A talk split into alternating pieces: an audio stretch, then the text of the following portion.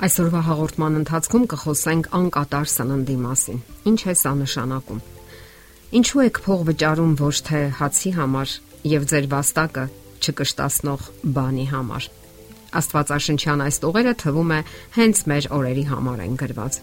Գիտության եւ տեխնիկայի զարգացմանը զուգընթաց առօրյա են մտնում մշակված, արհեստական, հաճախ էլ գենետիկորեն ձևափոխված այնպիսի սննդամթերքներ, որոնք լավագույն դեպքում վնաս չեն պատճառում մարդուն, թեև օգուտ էլ չեն տալիս։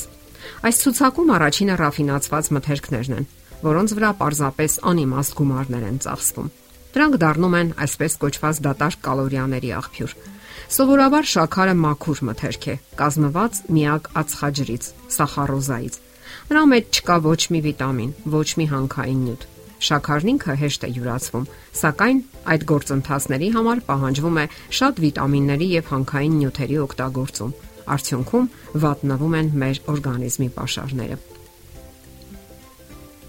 Սպիտակ ալյուրից պատրաստված ռաֆինացված հացը նույն ձևով անիմաստ սնունդ է։ Ցորենը աղալու, թեփահարելու, մաքրելու, այսինքն ռաֆինացիայի գործընթացում վերանում են բոլոր սննդարար նյութերի 50-ից 90%-ը բազմաթիվ ամինոթթուներ, սպիտակուցային մասնիկներ, վիտամինների եւ հանքային նյութերի մեծ մասը, ինչպես նաեւ բջջանքի 75%-ը։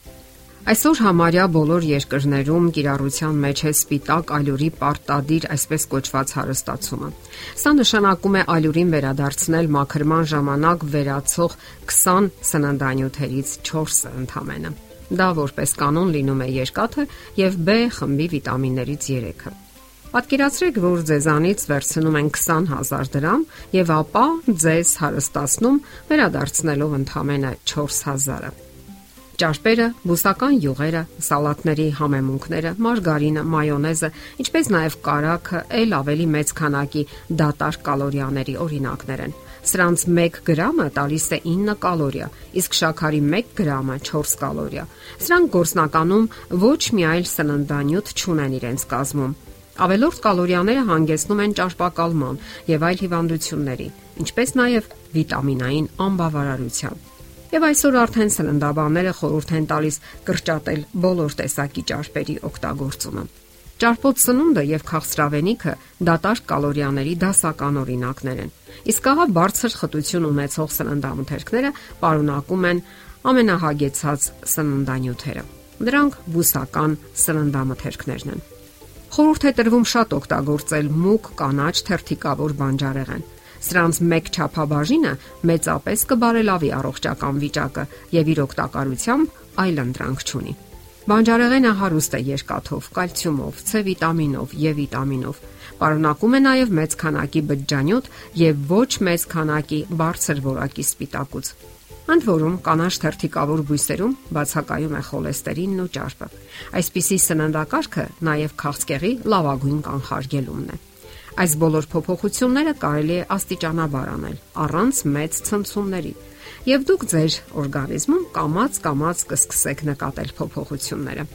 Ասենք օրինակ դուք սկսում եք քիչ աղ օգտագործել։ Սնունդը սկզբում անհամ է թվում, սակայն համային ռեցեպտորներին հարմարվելուն զուգընթաց ամեն ինչ կարգավորվում է 10-ից 14 օր հետո։ Սովորական քանակով աղ գծված սնունդը ձեզ արդեն նույնիսկ աղի է թվում։ Նույնը վերաբերում է նաև սննդի բնագավառի մյուս փոփոխություններին։ Նստակյաց մարդկանց համար օրը երկու անգամ սնվելը ավելի գերադասելի է, քան 3 անգամը։ Շատ կարևոր է սնվել նույն ժամին, իսկ միջանկյալ ընթացքը 5 ժամից պակաս չպետք է լինի։ Այդ արանքներում պետք չէ ոչինչ ծամել։ Ավելի լավ է զբաղվել մարմնամարզությամբ, թարմանալ, Նախաճաշը սննդի ամենակարևոր ընդունումն է եւ մարդուն պատրաստում է ցերեկային ակտիվ գործունեության։ Նաեւ պետք է շատ ջուր խմեք։ Խմեք ճաշից կես ժամ առաջ կամ ճաշելուց 2 ժամ հետո։ Ուտելու գործընթացում հեղուկի օգտագործումը ջրիկացնում է ստամոք սահյութը եւ խանգարում մարսողության ընթացքին։ Սնունդը հարկավոր է ուտել դանդաղ, համը վայելելով։ Կարևորեք նաև իրավիճակը այն պետք է լինի խաղաղ, հարմար վայրում։ Ճաշից հետո ֆիզիկական թեթև ակտիվությունը թեթևացնում է մարսողությունը, իսկ ահա մեծ ծանրաբեռնվածությունը ընդհակառակը դադարեցնում է այդ գործընթացը։ Օրվա մեջ վերջին անգամ պետք է ուտել քնելուց մի քանի ժամ առաջ։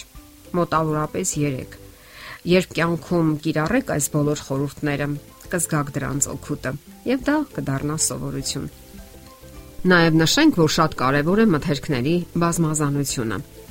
Հիմնական ճաշատեսակին հավելեք 1 կամ 2 տեսակի բանջարեղեն՝ գազար, կաղամ կամ բանջարեղենային սալատ։ Իսկ հացը ամբողջական ալյուրից, որը հիանալի համ ունի առանց կարագի ու մարգարինի։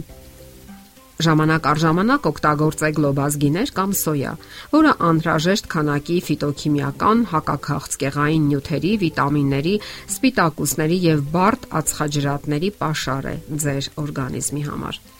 Որպես աղանդեր ամենալավ ընտրանքը քաղցր մրգերն են, C վիտամինի աղբյուրները։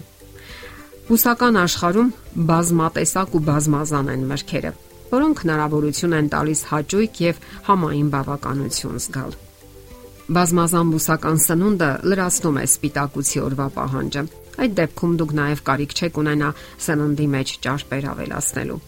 Տարբեր հատիկեղենի չիլաները, լոբազգիները եւ կանաչ թերթիկավոր բանջարեղենը պահանջում են նվազագույն մշակում, որpիսի ճեղքեն բջջանյութը։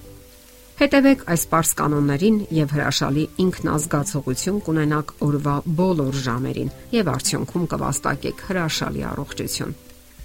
Եթերում է առողջ ապրելակերպ հաղորդաշարը։ Ձեզ հետ է Գեղեցիկ Մարտիրոսյանը։ Հարցերի եւ առաջարկությունների դեպքում զանգահարեք 094 08 2093 հեռախոսահամարով։ Հետևեք մեզ hopmedia.am հասցեով։